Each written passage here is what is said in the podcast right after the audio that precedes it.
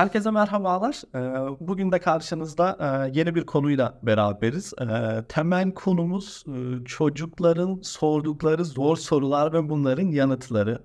Ee, Biz de kendimiz ufak bir çalışma yaptık, anket yaptık. Kendi velilerimizden bizzat e, hangi sorularda zorlanıyorlar, çocukları zamanında neler sormuş şeklinde anket yapıp bu merak ettiklerimizi Gülizar Hanım'a soruyor olacağız. Gülizar Hanım öncelikle hoş geldiniz. Yayınımıza katıldığınız için teşekkür ediyoruz. Ben teşekkür ederim. Merhaba tekrar. Merhabalar. Dilerseniz kısaca bir kendinizden bahsedin Gülizar Hanım. Hem dinleyicilerimiz hem izleyicilerimiz e, sizi bir tanısınlar. Ondan sonra sorularımıza hızlıca geçelim. Ee, merhaba. Ee, uzun süredir Novatik'le birlikte çalışıyoruz. Ee, farklı çalışmalarda beraber bulunduk. Ben klinik psikolog Gülizar Şehitoğlu. Ee, profesyonel deneyimsel oyun terapisti ve süpervizörüyüm. Ee, aynı zamanda Attachment Parenting eğitmen eğitmeniyim. Ve e, uzun süredir de çocuklarla, ailelerle e, çalışıyorum. E, kısaca kendimden bahsetmem gerekirse e, pek çok insanın hayatına ve yaşamına dokunmaya çalışıyorum. E, bu bir süreç tabii ki. E, meslek hayatımın da 34. yılındayım. Böyle kısaca bir özet geçebilirim. Maşallah. Teşekkür ediyoruz Gülizar Hanım. Ee, şimdi sorularımıza geçmeden önce aslında genel bir çerçeveyi çizmek istiyoruz. Çünkü anne baba olmak demek aslında ilk çocukla beraber gelen ve bizim de bilmediğimiz bir süreç. Yani biz de bir anda yeni statü atlıyoruz. Bir anda anne baba oluyoruz.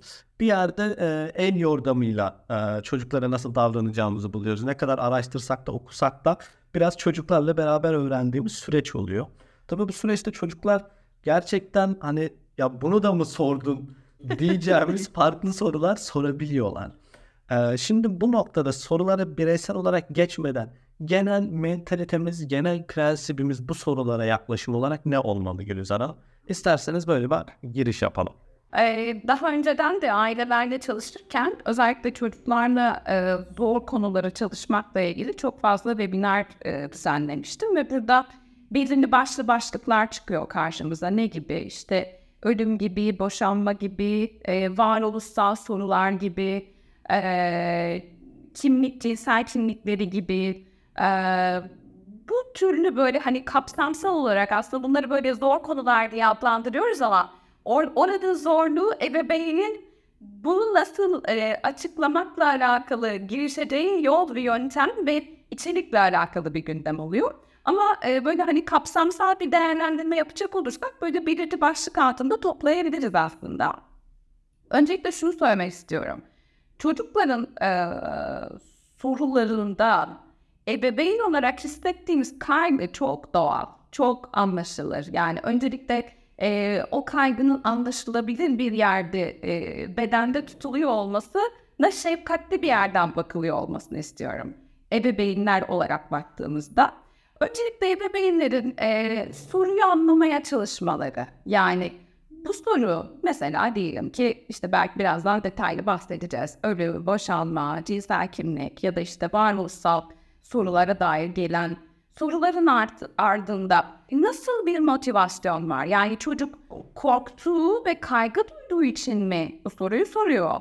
Yoksa yaşamındaki deneyimlerinde, arkadaşlarıyla izlediklerinde ya da okulda paylaştıklarında bir gündem mi oluştu? Yani altındaki motivasyonu anlayabiliyor olmak ebeveyne çok e, doğru bir perspektif sunar.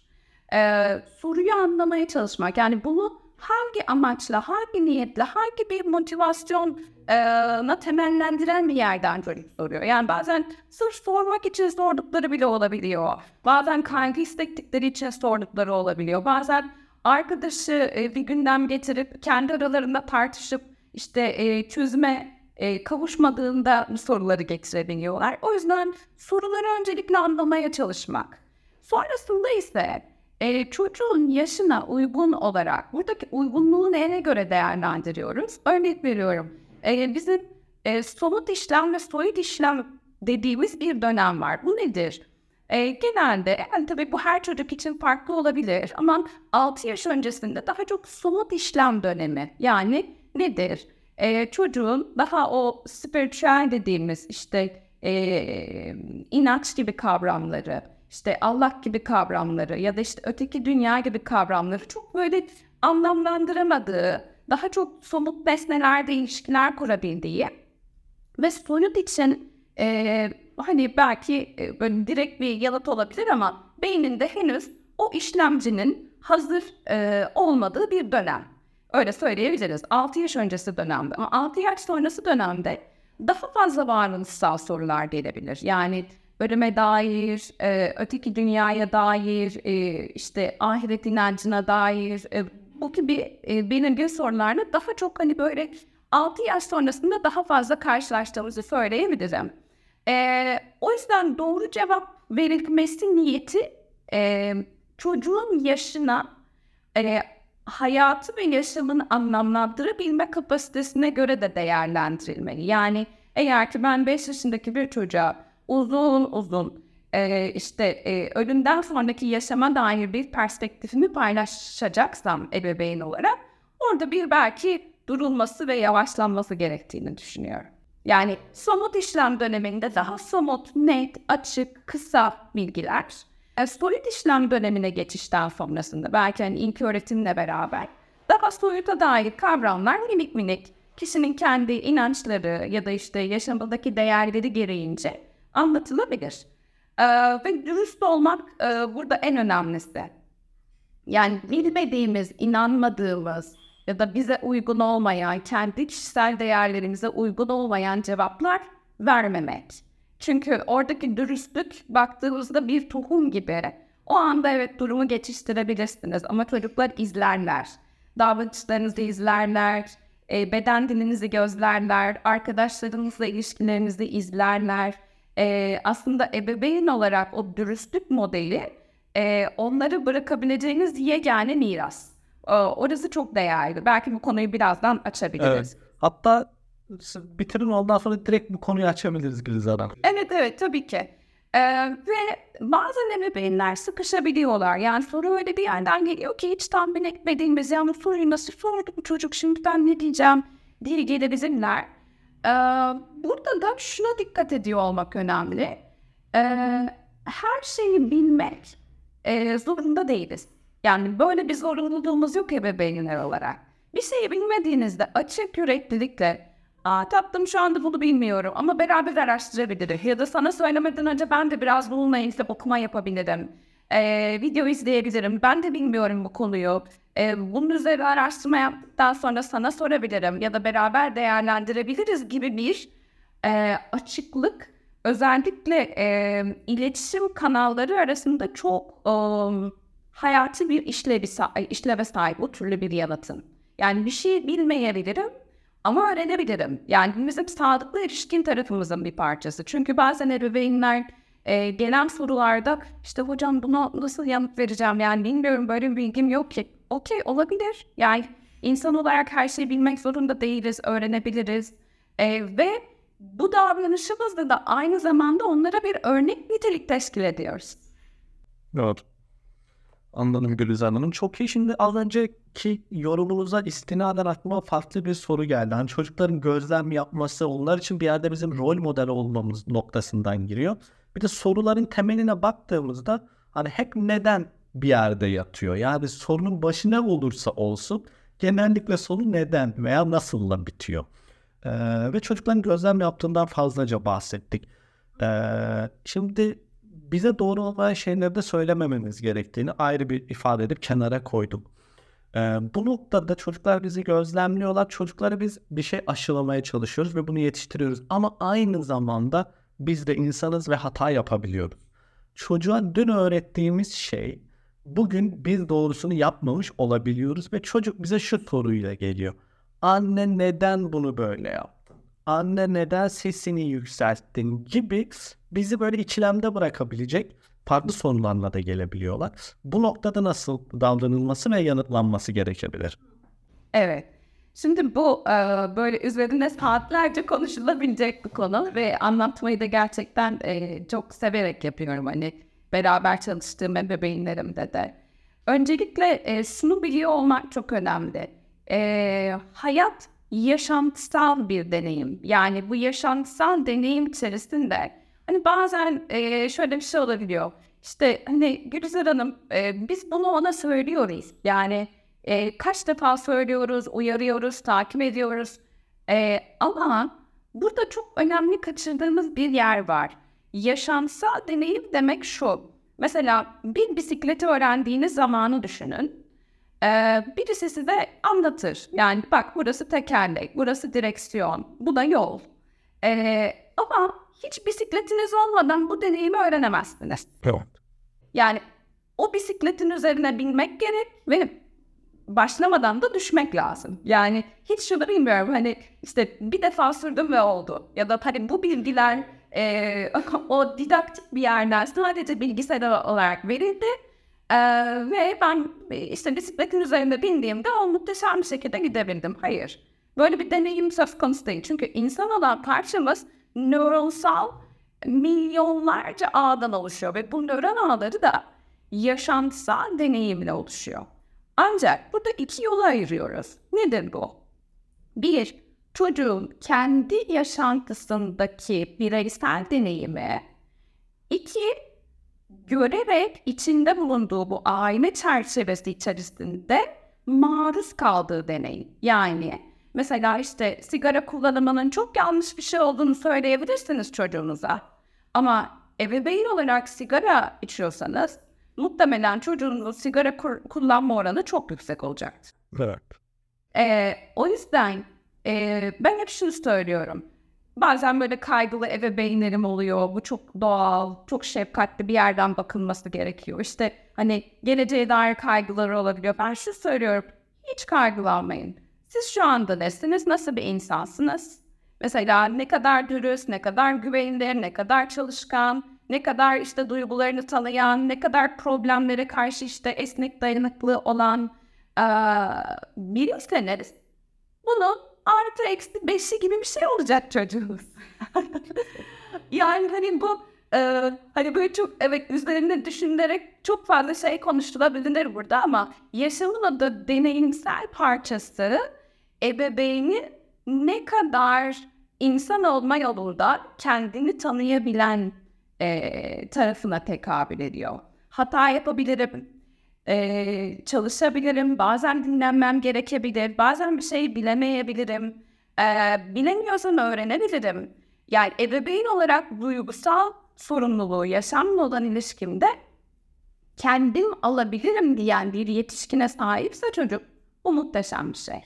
Çünkü çocuklar e, şöyle bir amaçları yok e, dünyaya geldiklerinde ebeveynlerini seçemiyorlar.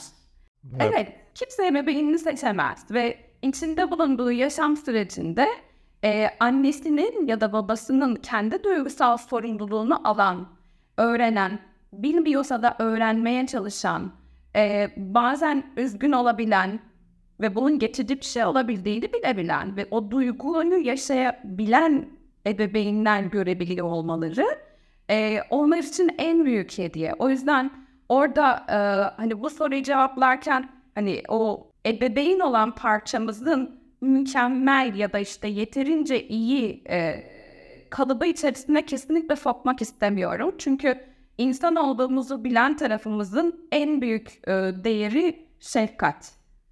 E, ebeveynlerin de yani şu anda bu e, konuşmamızı e, izleyen ya da dinleyen e, herkese öncelikle o kendileriyle bağ kurabilmek ve insan olabildiklerini, yaşamın deneyimsel bir parça olduğunu, düşebileceklerini, kendilerini bazen kötü hissedebileceklerini ama bunların sorumluluğunu alarak, yani o sorumluluk alarak demek ne demek biliyor musunuz?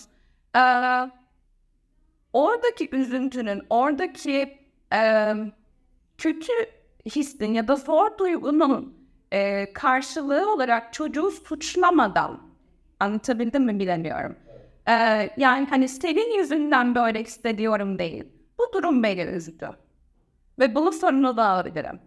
Yani sen işte e, bunları bunları yaptığın için ben kendimi kötü hissediyorum ya da senin suçun gibi bir yerden değil. Ya da senin yüzünden bunları yapamıyorum değil. Çünkü çocuklar varlıksal olarak e, ebeveynlerine bağlı olarak dünyaya gelirler. Yani sadece yaşamda e, tek memelidir insan oldu. 15 yıl birinin bakımına muhtaç olan. Yani yaşamdaki diğer ebeveyn, yani ebeveynler dediğimiz hani diğer memeliler grubunda ise o ayrım çok daha erken dönemde. Mesela bir kedi iki aylık e, bebeğinden ayrılabilir. Ama insanoğlu e, yaşamını sürdürebilmek için birinin bakımına bu ille ebeveyn olmak zorunda değil. Ebeveynlerini kaybetmiş pek çok e, çocuklarımız var e, bu hayatta. Ama birinin bakımına muhtaç duyuyoruz ve o bakım verenin e, duygusal olarak kendini tanıyabilme kapasitesi, öğrenebilme kapasitesi, yaşamı merak edebilme kapasitesi direkt olarak bakım verdiği çocuğu da direkt olarak etkiliyor. Anladım.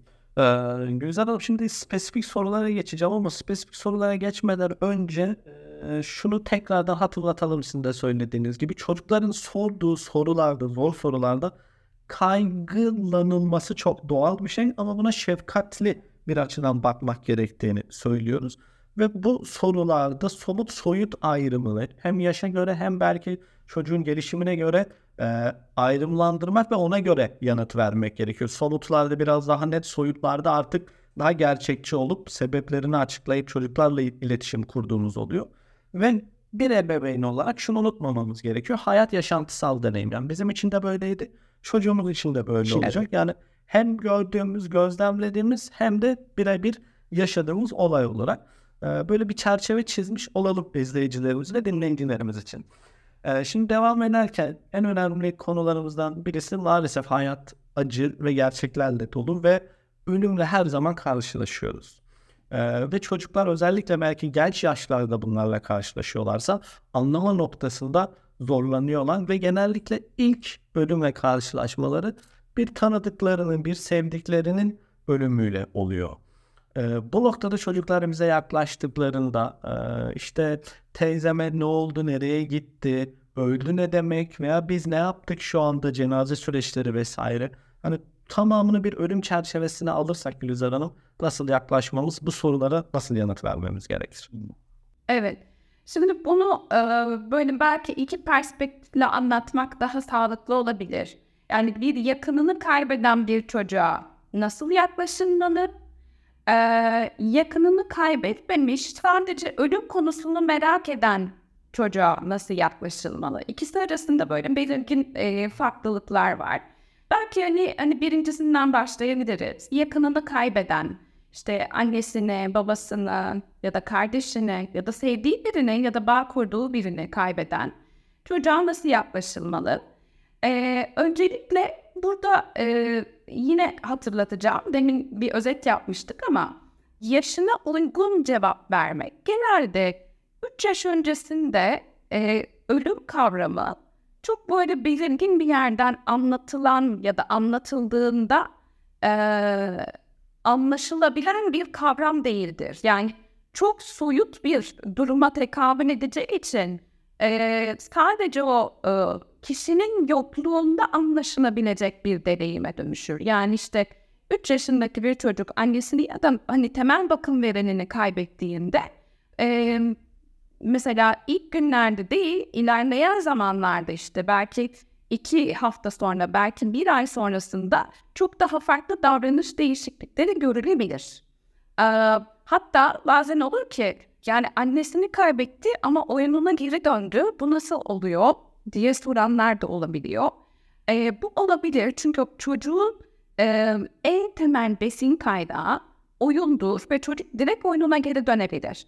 Ama bu yaşamında bazı duygusal ya da nesnesel yani temel ihtiyaçlarımız, fiziksel ve duygusal ihtiyaçları aksadıkça ya da aksarsa süreç içerisinde farklı davranış örüntüleri e, görebiliyoruz yani yasa dair. Yani hemen e, bizim gibi mesela bir yetişkinler, e, biz yetişkinler olarak sevdiğimizi kaybettiğimizde bu çok derin bir acıya dönüşebiliyor. Ve sevdiğimiz birinin kaybı bir yaz çerçevesi içerisinde en uzun süre kalan duygudur yaz. Yani belirli aşamaları vardır. Ee, yani bir iki yıla kadar uzayabilir, sürebilir. Bunlar normal sağlıklı insan olmanın bir parçası. Peki e, yakınını kaybetmiş bir çocuk e, böyle bir durumla karşılaşırsa nasıl söylenmeli? Öncelikle e, bunu söyleyecek kişinin onun e, en yakınlarından birine olmasını tercih ediyoruz. Yani örnek veriyorum eğer ki annesini kaybettiyse mümkünse babası işte bu tam tersi de olabilir. Ya da aileden çok sevilen anneanne, babaanne, dedeyse annenin ya da babanın eşlik ediyor olması önemli. Bu türlü bir durumda kişi bu haberi vermeden önce kendi duygusal stabilizasyonuna bakıyor olmalı. Yani evet ben bu haberi vereceğim. Kendim de üzüntülüyüm. Yani bu bir yaz, bu bir kayıp. Bunu fark eden bir yerden e, çocuğun yaşına ve anlam kapasitesine uygun olarak artık onun bu hayatta olmadığının bilgisini vererek. Burada şu sorular gelebilir. Yani hani bundan sonra ne olacak ya da bundan sonrası bunu daha şimdi burada taşımak. Ben seninleyim, buradayım, birlikteyiz, yan yanayız. Elimden geldiğince yanında sana destek olacağım, sana eşlik edeceğim. Bak ben buradayım, yanındayım, beraber sarılabiliriz. Çocuk izin verirse sarılmak, eşlik etmek, belki elini tutmak. Ee, orada bir duygusal temas ihtiyacı artabilir. Orada yan yana eşlik etmek o süreci başlatan bir durum olacaktır. Sonrasında ise e, eğer ki temel bakım verenlerden biri kay- kayıpsa çocuğun fiziksel ihtiyaçları yani o e, rutin döngüsün dediğimiz işte sabah kahvaltısı, okula gitme saati, e, günlük aktiviteleri bu gibi bir yaşamsal döngüyü ele alabilecek birinin varlığı ya da bir destek e, kişi ortamda varsa ya da sağlanabiliyorsa önemlidir. Çünkü ben her zaman şunu söylerim. Ee, her canlı yani biz memeliler ve yaşamdaki diğer hayvanlar da iyileşebilecek kapasiteyi kendi içimizde taşırız. Yani yaşam bize e, böyle hani işte bu e, diye böyle altın testiyle, altın çanakla sunulan harika şeyler olmayabilir. E, her şey zıttıyla anlamlaşır. Yani şöyle düşünün, yaşamın ölümsüz bir yer olduğunu, doğan birinin varlığında buna sevinemezdik. Evet.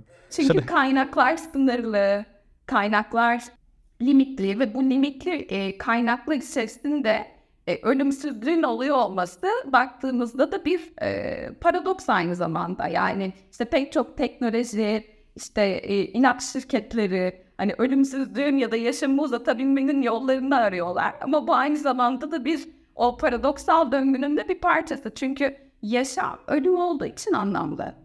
O yüzden bu kadar yaşamda kalmak, o kadar yani bu kadar yaşama anlam katabilmek üzerine uğraşıyoruz. Ee, o yüzden ölümü e, ölümle ilgili bir e, zorlantımız varsa bu konuyla ilgili tabii ki herkes için, her canlı için ölüm e, kaygı verici, korkutucu bir deneyim olabilir. Çünkü e, öldüğümüz zaman da ne olacağını bilmiyoruz. O deneyimi sadece bu bedensel algımızla yani beş duyu organımızla deneyimleyebileceğimizi hayal ediyoruz. Oysa ki bu çok büyük bir yanılgı. Bilmiyoruz. evet, bilmiyoruz. Ve bu hani ben bazen söylüyorum kendi çocuklarım da bazen böyle sorularla geliyorlar. Ee, bilmiyorum diyorum. Yani orada ne oluyor bilmiyorum. Ama oraya kadar gelen yerde ben senin yanında olabildiğim sürece, sana destek olabildiğim sürece senin yanındayım. Çünkü beynin e, bedenimizdeki amacı sistemi yaşamını devam ettirebilmek üzerine odaklıdır. Yani nasıl anlatabilirim bunu? E, o tehdit döngüsü içerisinde geleceğe dair tehdit gördüğümüz her şey, yani ölüm de bunlardan biri. E, ama şimdi ve burada ne oluyor? Yani ben senin yanındayım ama geleceği benden bilmiyorum. Hani yaşam bu kadar güvensiz bir yer gibi hissedebilirler belki şu söylediklerinde.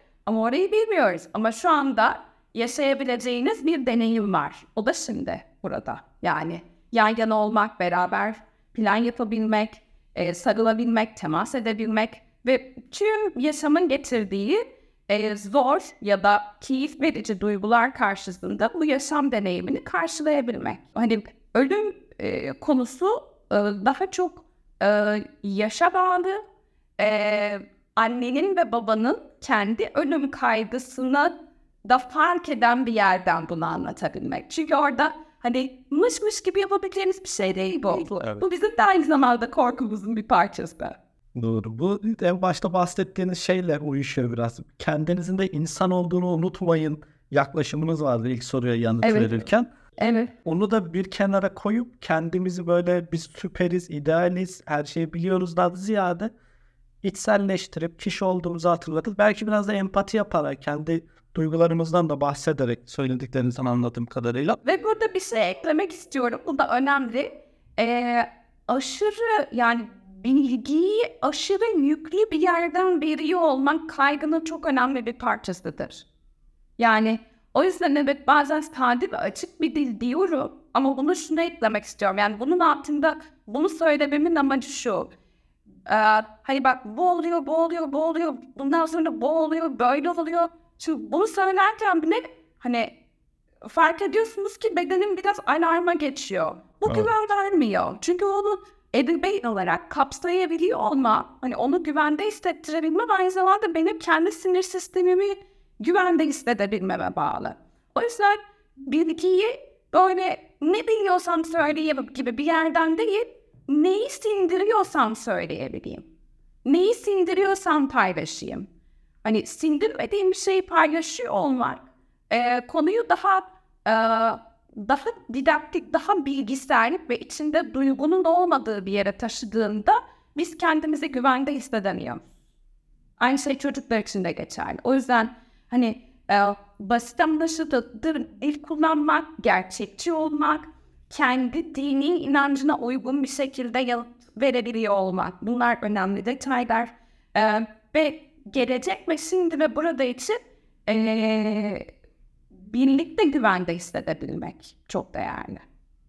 Güzel Hanım, ölümle ilgili e, e, yaklaşımımızı açıkladık. E, hani kişisel empatiden başlayıp aslında bakarsanız e, en yakınının buna açıklaması, çocuğun oyununa geri dönmesinde hani olabileceği temel gıda oldu ama e, sorunların 2-3 hafta sonra da kendini gösterebileceği. Bunun yanında e, şimdiye odaklanmanın ne kadar önemli olduğu. Çünkü geleceği biz de bilmiyoruz. Yani hem bilmediğimiz bir şey hem inanmadığımız bir şey söylememek e, çocuklar için çok önem arz ediyor.